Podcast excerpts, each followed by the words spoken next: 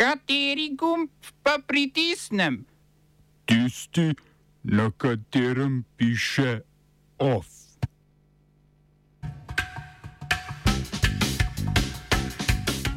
Državni svet z vetom na novelo zakona o davčnem potrjevanju računov. Ljubo Jasnič nič več na vrhu Desusa. Svet Evropske unije preložil glasovanje o prepovedi prodaje vozil z motorji na notranje izgorevanje. Stavka grških železniških delavcev.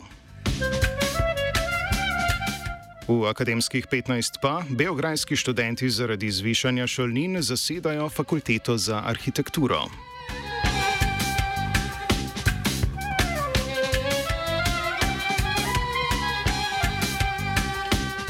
Švedsko predsedstvo Sveta Evropske unije je preložilo končno glasovanje o direktivi Evropske unije o prepovedi prodaje avtomobilov z dizelskim ali benzinskim motorjem od leta 2035.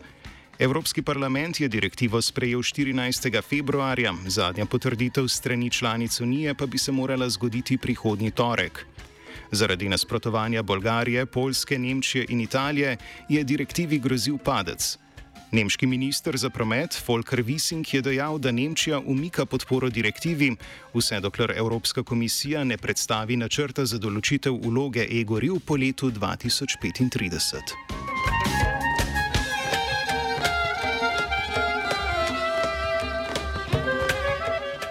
Vlada Republike Srpske je sprejela osnutek spremembe kazanskega zakonika, po kateri bi žaljenje, obrekovanje in razkritje osebnih ter družinskih podatkov postali kazniva dejanja. Osnutek ne predvideva zaporne kazni, določa pa visoke denarne kazni. Pravosodni minister srpske entitete v Bosni in Hercegovini Miloš Bukeljevič je pojasnil, da za žalitev izraženo preko medijev ali na javnem zborovanju storilcu grozi med 5000 in 25 tisoč evrov globe. Novinari opozarjajo na to, da bi spremembe ogrozile delovanje medijev in povečale samo cenzuro.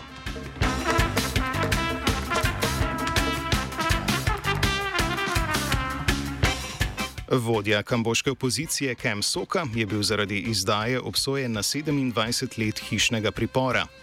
Okrajno sodišče v Phnom Penhu mu je izdalo tudi doživljensko prepoved udejstvovanja v političnem življenju in oduzelo volilno pravico. Njegove stike so omejili na družinske. Kema Soko, nekdanjega predsednika stranke Narodne rešitve Kambodže, so aretirali leta 2017 in obtožili izdaje. Kemov odvetnik je napovedal pritožbo.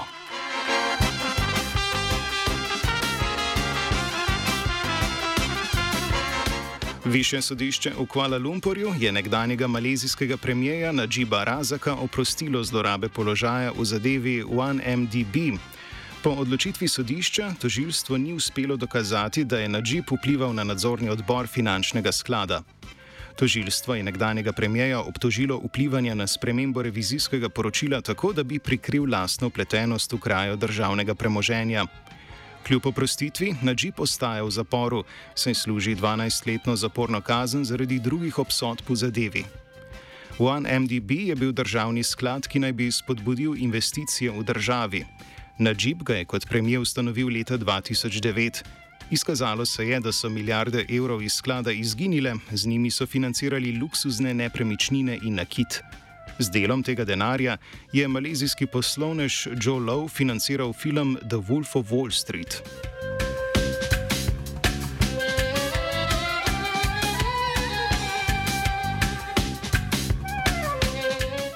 Grški železničarski delavci so izvedli 24-urno stavko, s katero so opozorili na slabe delovne pogoje, zaradi katerih so delavci utrujeni in delajo napake. Vladi so očitali, da ni posodobila zastarele infrastrukture. Poleg stavke so potekali tudi protesti v Atenah in Solunu pred poslopji družbe Hellenic Train, železniškega prevoznika. Protestniki menijo, da sta vlada in Hellenic Train glavna krivca za torkov trg dveh vlakov. Železniškega prevoznika je grška vlada leta 2017 zaradi velikega finančnega primankljaja in pritiska Evropske trojke prodala italijanskemu podjetju Ferrovie dello Stato. Celodnevno stavko so železničarji napovedali tudi za danes. Dogajanje na protestih in stavkah opisuje Konstantinos Ksilakoglu iz grške levičarske civilno-družbene organizacije Anametrisi. Uh, the one thing is that uh, most of the strikes that uh, were around the issue of uh, the safety of the passengers and the trains um, were uh, before the incident that happened. So that's also important because uh, the workers actually and the workers union there uh, that worked on the trains um, had said that there is a, a big issue with um, with the, the, safety of the trains. Um, the the next day there was um, also a strike um, at uh, at the subway, um, a 24-hour strike. Uh, also concerning the safety measures uh, uh, that are not in place for uh, for the subway here in uh, in Athens. Apart from that, yesterday and two days two days ago, there were also some demonstrations and today there is also going to be another one. So we're um, we're um, seeing that uh, this is a, a thing that um, will be continued in a way, and it is expected that it will not uh, like uh, be forgotten. Sila Koglu izpostavlja tudi težave z varnostnimi sistemi na grških železnicah. The, um, the representative of the workers, the railway workers, um, actually had said that uh, there was a system that was bought in 2000 and still not put in use. So uh, that's quite specific.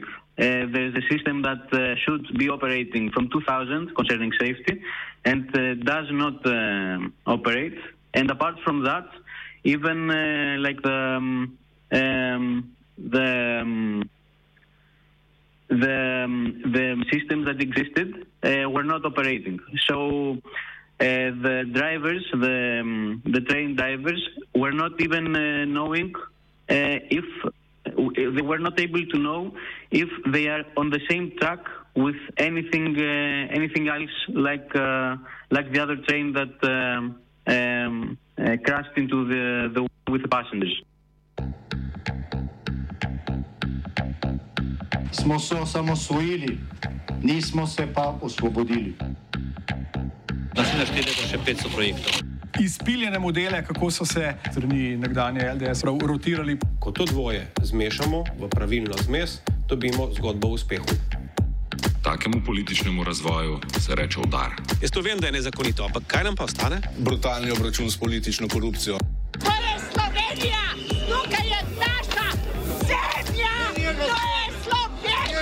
Slovenija! Slovenija!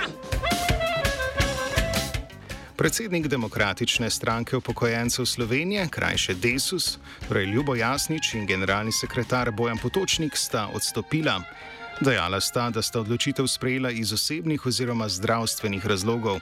O tem, kako osebni so razlogi, več pove Jasničeva izjava za portal NN, da so bili zanj pika na i očitki, ki jih je bil deležen v zadnjem času, med drugim na račun prodaje strankine nepremičnine v središču Ljubljane. Kot vršilec dolžnosti je funkcijo predsednika stranke prevzel Anton Rifel.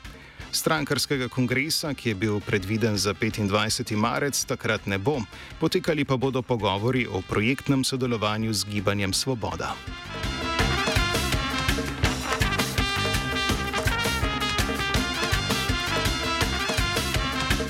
Državni svet je izglasoval veto na novelo zakona o davčnem potrjevanju računov. Odložilni veto so predlagali svetniki iz Komisije za gospodarstvo, obrt, turizem in finance. Veto je državni svet izglasoval brez razprave. Novela zakona predvideva ponovno uvedbo obveznega izdajanja računov, ki jo je Janševa koalicija odpravila lanskega januarja. Od takrat velja, da mora prodajalec račun kupcu izdati le na njegovo izredno željo. Finančni minister Klemen Boštjančič trdi, da se je s tem v nekaterih panogah razcvetela siva ekonomija. Predlagatelji veta menijo, da je ponovna uvedba obveznosti izdajanja računov nesprejemljiva, saj naj bi odgovornost za izdajanje računov prelagala na kupce. Tem namreč v teoriji grozi do 40 evrov kazni, če računa ne prevzamejo, medtem ko enake kazni za zavezance niso predvidene. Boštjančič miri, da do zdaj ni bila izdana še nobena kazen, le upozorila in to nameravajo tudi ohraniti. O zakonu bodo v državnem zboru tako glasovali še enkrat, podpreti pa ga bo moralo vsaj 46 poslancev. Stališče predstavnikov delojemalcev v državnem svetu nam je predstavil državni svetnik Oskar Komac. Predstavniki delojemalcev smo glasovali proti vetu, tisti, ki smo bili tam uh, prisotni. Uh, namreč ocenili smo, da je v preteklih dveh, treh letih prišlo do bistvenega upada izdajanja računov, predvsem v nekaterih storitvenih dejavnostih in to seveda ima vpliv na uh, velikost oziroma dimenzijo pobranih uh, davkov. Pojasnil je tudi, zakaj so veto sprejeli brez razprave. No, treba vedeti, da ta zadeva je bila že debatirana že ob samem sprejemu zakona, tudi takrat smo ga obravnavali in na komisiji in v državnem svetu. Potem je bilo zopet zdaj na komisiji za gospodarstvo, pa zopet v državnem svetu, po mojem, je prevladalo eno spoznanje, da smo si že toliko vse povedali, da pravzaprav nima smisla. Tako. Akademskih 15. Študentje in študentke v Beogradu zaradi napovedi zvišanja šolnin za izredni študij zasedajo fakulteto za arhitekturo. Šolnina naj bi se v študijskem letu 2023 in 2024 zvišala za 400 evrov, zdajšnjih dobrih 2000 evrov na dobrih 2400 evrov. Pridružile so se tudi redno upisane študentke in študenti, saj ima fakulteta več problemov, kot so slaba opremljenost in skriti stroški študija, ki lahko z vsemi potrebnimi materijali za upravljanje enega izpita presežejo 150 evrov. Študentski predstavniki in predstavnice so svoje zahteve že izrazile dekanu, ki pa je zagotovil le, da bo fakulteta reševala manjše probleme, kot je naprimer pomankanje vtičnic. Več fakultet je napovedalo zvišanje šolnine, na arhitekturi so zvišanje utemeljili slabim finančnim stanjem fakultete, ki s trenutnimi prihodki ne more normalno delovati. Zasedbi so se pridružili še kolegi in kolegice z drugih fakultet, za katere je prav tako napovedan dvig šolnine. Poudarjajo, da zvišanje šolnin ter rast cen v študentskih domovih in menzah še dodatno vplivata na že tako slab položaj študentov.